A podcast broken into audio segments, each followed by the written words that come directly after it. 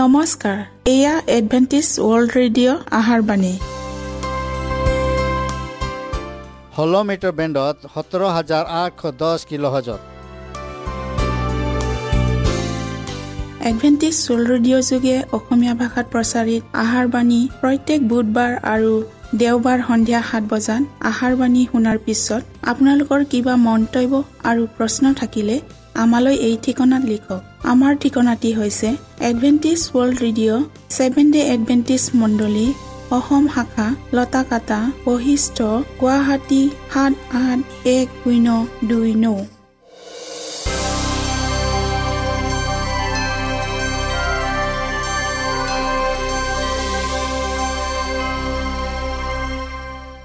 প্ৰিয় শ্ৰোতা বন্ধুসকল এতিয়া শুনো আহক এটি খ্ৰীষ্টীয় ধৰ্মীয় গীত।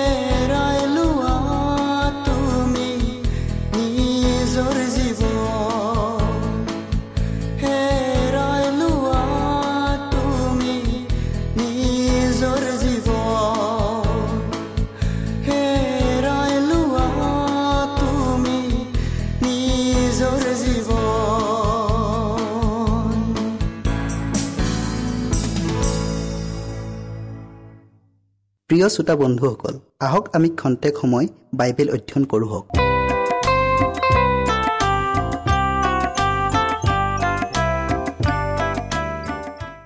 আজিৰ আমাৰ বিষয়টি হ'ল তিনিজন স্বৰ্গদূতৰ বাণী। বাইবেল পতি লোৱা হৈছে মলাখী চাৰি অধ্যায়ৰ পাঁচ পদ। চোৱা জিহুৱাৰ সেই মহৎ আৰু ভয়ানক দিন অহাৰ আগেয়ে মই তোমালোকৰ ওচৰলৈ এলিয়া ভাৱবাদীক পঠাম বিষয়টিৰ আগবঢ়োৱাৰ আগতে আমি প্ৰাৰ্থনা কৰোঁ হওক। সেই সৰ্বশক্তিমান প্ৰভু আকাশত উৰি উৰি ঘোষণা কৰা সেই তিনিজন স্বৰ্গদূতেনো কিহক বুজাই তাক বুজিবলৈ জ্ঞান দিয়া। আৰু অন্তিম দিনৰ অৰ্থে সাজু হৈ থাকিবলৈ আমাক সহায় কৰা। আৰু প্ৰত্যেক শ্ৰোতাৰ লগত তুমি পবিত্ৰ আত্মা যোগেদি থাকা। যীশুৰ নামত খুজিলোঁ। আমেন। ঈশ্বৰ সেই মহৎ দিন থিয় হ'বলৈ এক বিশেষ মানুহৰ দলক যুগুত কৰিবলৈ সংকটৰ এক মহান কাৰ্য এক বিশেষ প্ৰচাৰ কৰাৰ দ্বাৰাই সম্পাদন কৰা হ'ব। ঈশ্বৰে দেখিছে যে নিজকে খ্ৰীষ্টিয়ান বুলি পৰিচয় দিয়া বহুতো লেখত ল'বলগীয়া লোক। অনন্ত জীৱনৰ বাবে প্ৰতিয়াও এতিয়াও নিজকে সাজু কৰি লোৱা নাই। আৰু সিহঁতৰ এই অজ্ঞান অৱস্থাৰ পৰা সিহঁতক জগাই দি প্ৰভুৰ আগমনৰ বাবে সিহঁতক প্ৰস্তুত কৰিবলৈ তেওঁৰ অসীম কৰোণাত তেওঁ এক বিশেষ সতৰ্কৰ বাণী প্ৰেৰণ কৰিছে। এই সতৰ্কতাৰ বাণী প্ৰকাশিত বাইকৰ চৈধ্য অধ্যায়ত উল্লেখ কৰা হৈছে। ইয়াত স্বৰ্গীয় দূতৰ পৰা ঘোষণা কৰা তিনি তৰপীয়া বাণীৰ বিষয়ে উল্লেখ কৰা হৈছে আৰু তাৰ ঠিক পাছতে পৃথিৱীত শস্য দাবলৈ মানুহৰ পুত্ৰৰ আগমনৰ বিষয়ে কোৱা হৈছে। সেই স্বৰ্গদূতসকলক আকাশত উৰি ফুৰা বুলি বৰ্ণনা কৰা হৈছে আৰু তাৰেই পৰা তেওঁলোকে পৃথিৱীলৈ সতৰ্কৰ বাণী ঘোষণা কৰিছে আৰু বিশেষকৈ পৃথিৱীৰ বুৰঞ্জীৰ অন্তিম যুগৰ মানুহবিলাকৰ ওপৰত প্ৰয়োগ হোৱাকৈ তেওঁবিলাকৰ বাণী প্ৰচাৰ কৰা হৈছে। কিন্তু কোনো এজন লোকেও সেই উৰি ফুৰা স্বৰ্গদূতৰ মাত শুনি নাপাব। কিয়নো সিহঁত প্ৰতীকী চিহ্ন মাথোন। স্বৰ্গদূত বুলি ঈশ্বৰৰ অৱশিষ্ট লোকসকলকেও বুজোৱা হৈছে। যিসকলে স্বৰ্গদূতগণৰ লগত একত্ৰিত হৈ ঈশ্বৰৰ কাৰ্য কৰি আছে। তিনিজন স্বৰ্গদূতৰ বাণীৰে সিহঁতে তিনি তৰপীয়া পোহৰৰ বিষয়ে জগতত প্ৰচাৰ কৰিব। প্ৰকাশিত বাক্যত জোহনে এইদৰে কৈছে পাছে মই আন এজন মহা ক্ষমতা পোৱা দূতক স্বৰ্গৰ পৰা নমা দেখিলোঁ। তেওঁৰ প্ৰতাপত পৃথিৱীখন দীপ্তিময় হ'ল। ই অন্তিম বাণী আৰু পৃথিৱীত দিয়া তিনি তৰপীয়া বাণীকে বুজাইছে। প্ৰকাশিত বাক্য ওঠৰ অধ্যায়ে সেই সময়ক দেখুৱাইছে যেতিয়া এই তিনি তৰপীয়া সতৰ্ক বাণীক অগ্ৰাহ্য কৰা হ'ব আৰু এই অগ্ৰাহ্য কৰাৰ পৰিণাম কি হ'ব তাকো উল্লেখ কৰিছে। দ্বিতীয় স্বৰ্গদূতৰ ভৱিষ্যতবাণীত যি অৱস্থাৰ বিষয়ে কোৱা হৈছে সেই অৱস্থাত মণ্ডলী উপস্থিত হ'বগৈ। আৰু তেতিয়াও বাবিলত থকা ঈশ্বৰৰ লোকসকলক সিহঁতৰ মাজৰ পৰা ওলাই আহিবলৈ আহ্বান কৰা হ'ব। পৃথিৱীত প্ৰদান কৰা এইটোৱে শেষ বাণী হ'ব। আৰু ই নিজৰ কাৰ্য সমাধান কৰিব। যেতিয়া পৃথিৱীৰ লোকবিলাকে সত্যতাক বিশ্বাস নকৰিব অধাৰ্মিকতাৰে পৰিপূৰ্ণ বিষয়বোৰত মত্ত থাকিব তেতিয়া সিহঁতক সিহঁতৰ অৱস্থাতে এৰি দিয়া হ'ব আৰু সিহঁত এক ভয়ংকৰ অতি শক্তিশালী প্ৰতাৰণাৰ সন্মুখীন হ'ব আৰু সিহঁতে মিছাটোকহে বিশ্বাস কৰিব। আৰু তেতিয়া যিসকলে সত্যতাক গ্ৰহণ কৰিবলৈ হৃদয় খুলি দিব সত্যতাৰ পোহৰ সিহঁত সকলোৰে ওপৰত পৰিব আৰু বাবিলত সোমাই থকা ঈশ্বৰৰ প্ৰতিজন সন্তানে ঈশ্বৰৰ মাত শুনি বাবিলৰ পৰা ওলাই আহিব। সেই মোৰ লোকসকল তাইৰ পৰা ওলাই আহা প্ৰকাশিত বাক্য চৈধ্য অধ্যায়ৰ চাৰি পদত কৈছে। প্ৰিয় শ্ৰোতাসকল এই তিনিজন দূতৰ তিনিতৰপীয়া বাণী মানুহবিলাকে গ্ৰাহ্য বা অগ্ৰাহ্য কৰাৰ সিদ্ধান্ত লোৱাৰ সময়তে অতি সোনকালে দেশসমূহৰ মাজত অতি সুখজনক পৰিস্থিতি দেখা দিব। এই বিষয়ে জিৰিমিয়া ভাৱবাদীয়ে এইদৰে ভাৱবাণী প্ৰচাৰ কৰিছিল। বাহিনীবিলাকৰ জিহুৱাই এইদৰে কৈছে চোৱা এক জাতিৰ পৰা আন জাতিলৈ অমংগল ওলাব আৰু পৃথিৱীৰ অন্তভাগৰ পৰা বৰ ধুমুহা আহিব। এনেধৰণৰ পৰিস্থিতি যীশুখ্ৰীষ্ট নোহোৱালৈকে ক্ষান্ত নহ'ব। সেয়ে যিজনাই নিজ সিংহাসন স্বৰ্গত স্থাপন কৰিলে আৰু যাৰ ৰাইজই সকলোকে শাসন কৰে সেইজনাৰে হকে পৰস্পৰে লগ লাগি কাৰ্য সম্পন্ন কৰোঁ হওক ঈশ্বৰে নিজৰ লোকবিলাক ত্যাগ কৰা নাই। আৰু আমাৰ শক্তিও তেওঁক ত্যাগ কৰাত নহয়। তেওঁৰ লগত লাগি থকাটোকহে বৰ্তি থাকে। ঈশ্বৰৰ শেষ সোধ বিচাৰ আমাৰ দুৱাৰ মুখ পালেহি। যুদ্ধ বিগ্ৰহ আৰু যুদ্ধ বিগ্ৰহৰ খবৰ অগ্নি আৰু বানপানীৰ দ্বাৰা হোৱা মহা প্ৰলয়বোৰে সেই মহাশোকৰ পৰিস্থিতি আহি থকাৰ বতৰাকে স্পষ্টকৈ প্ৰকাশ কৰিছে।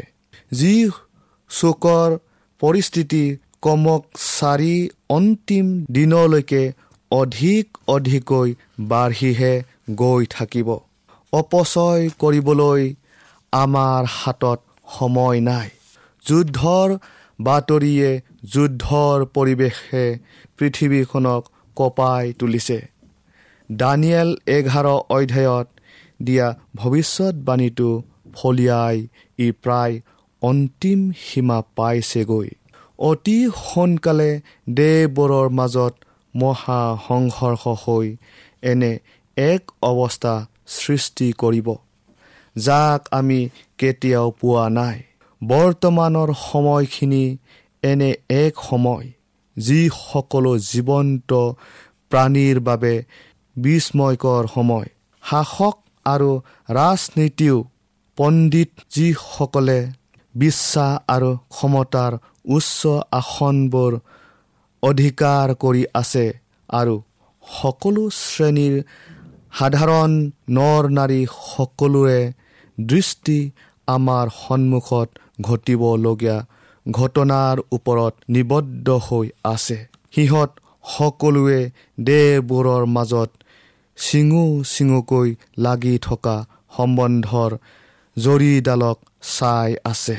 পৃথিৱীৰ প্ৰতিটো পৰিঘটনা যিবোৰ সকলোৱে সন্মুখত সংঘটিত হৈ আছে তাক সিহঁতে উপলব্ধি কৰিছে যেন কিবা এটা ভয়ানক আৰু প্ৰতাৰণাপূৰ্ণ অঘটন ঘটিব আৰু পৃথিৱীখন এক অকল্পিত অৱৰ্ণনীয় সংকটৰ দাঁতিত থিয় হৈ আছে। প্ৰিয় শ্ৰোতা অতি অনুগ্ৰহেৰে ঈশ্বৰে আমাক এতিয়া খন্তেক সময়ৰ বাবে জিৰণি আৰু সকাহ দিছে। স্বৰ্গৰ পৰা যি সকলোবোৰ শক্তি আমাক ধাৰ স্বৰূপে দিয়া হৈছে সেই শক্তিৰ প্ৰতিটো কণাক অজ্ঞতাৰ বাবে ধ্বংসৰ মুখলৈ গৈ থকা লোকসমূহৰ মুক্তিৰ বাবে উচিত ৰূপে ব্যৱহাৰ কৰোঁ হওক আহক। এই কাৰ্যত পলম কৰা উচিত নহয়। পৃথিৱীৰ আন্ধাৰময় ঠাইত সত্যতাৰ পোহৰ বিলাবই লাগিব। এক মহৎ কাৰ্য সম্পাদন কৰিব লাগিব আৰু সম্পাদন কৰিব লাগিব আৰু বৰ্তমানৰ সময়ত যিসকলে ঈশ্বৰৰ সত্যতাক পালে গ্ৰহণ কৰিলে তেওঁবিলাকৰ ওপৰতে এই মহৎ কাৰ্যভাৰ সমৰ্পণ কৰা হৈছে। প্ৰিয় শ্ৰোতা বন্ধু পৃথিৱীৰ ইতিহাসৰ শেষ দৃশ্যত যুদ্ধ বিগ্ৰহৰ ভয়ানক জুই জ্বলি উঠিব। ভয়ানক আকাল আৰু মাৰাত্মক সংক্ৰামক ৰোগ আৰু অচিন বেমাৰ দেখা দিব। অভাৱনীয় বানপানী হ'ব যেন সাগৰ ভাঙি আহিব। জুই আৰু এই বানপানীত ধন আৰু জনৰ বিস্তৰ ক্ষতি সাধন হ'ব। কৃষ্ণই তেওঁক প্ৰেম কৰা সকলৰ বাবে যি ঠাই যুগুত কৰিবলৈ গ'লগৈ আমিও সেই ঠাই যুগুত কৰাত নিজকে ব্যস্ত ৰাখিব লাগিব। এই কাৰ্যৰ মাজতে পৃথিৱীৰ যুদ্ধ বিগ্ৰহৰ মাজতো আমি সকাহ পাম। ঈশ্বৰে আপোনালোকক আশীৰ্বাদ কৰক।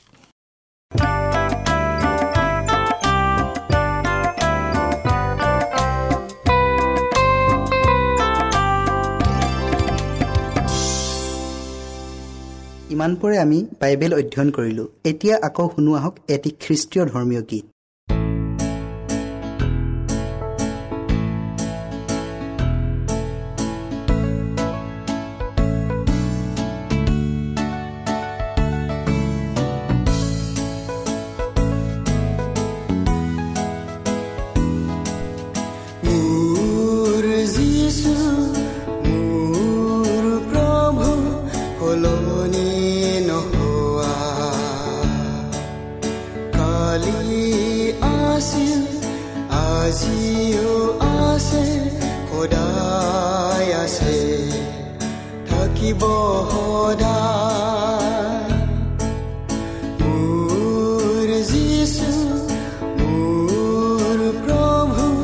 color.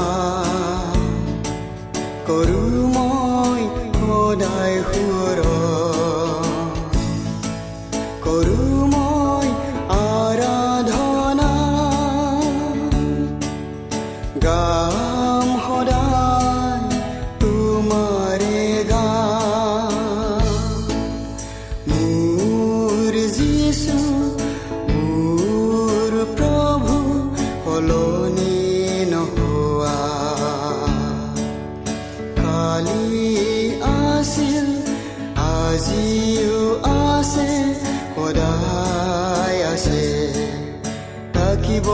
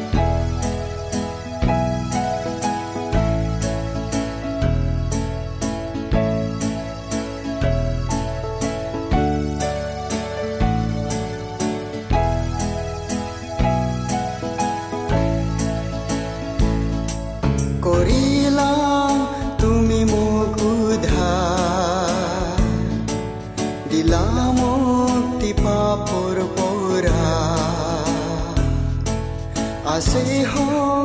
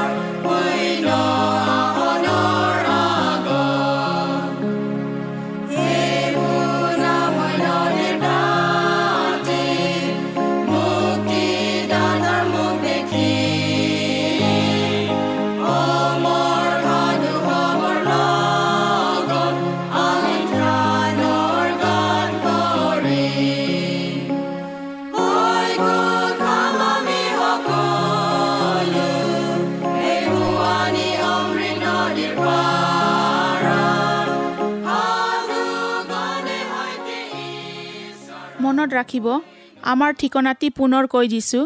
Adventist world radio' Assam region of seven day Adventist voice of hope Latakata Basistha Guwahati seven eight one zero' two nine প্ৰিয় শ্ৰোতা বন্ধুসকল এডভেণ্টিজ ৱৰ্ল্ড ৰেডিঅ' যোগে আহাৰবাণী প্ৰচাৰত আপোনালোকক পুনৰ লগ পোৱাৰ আহাৰে আজিলৈ সামৰিলোঁ। ধন্যবাদ।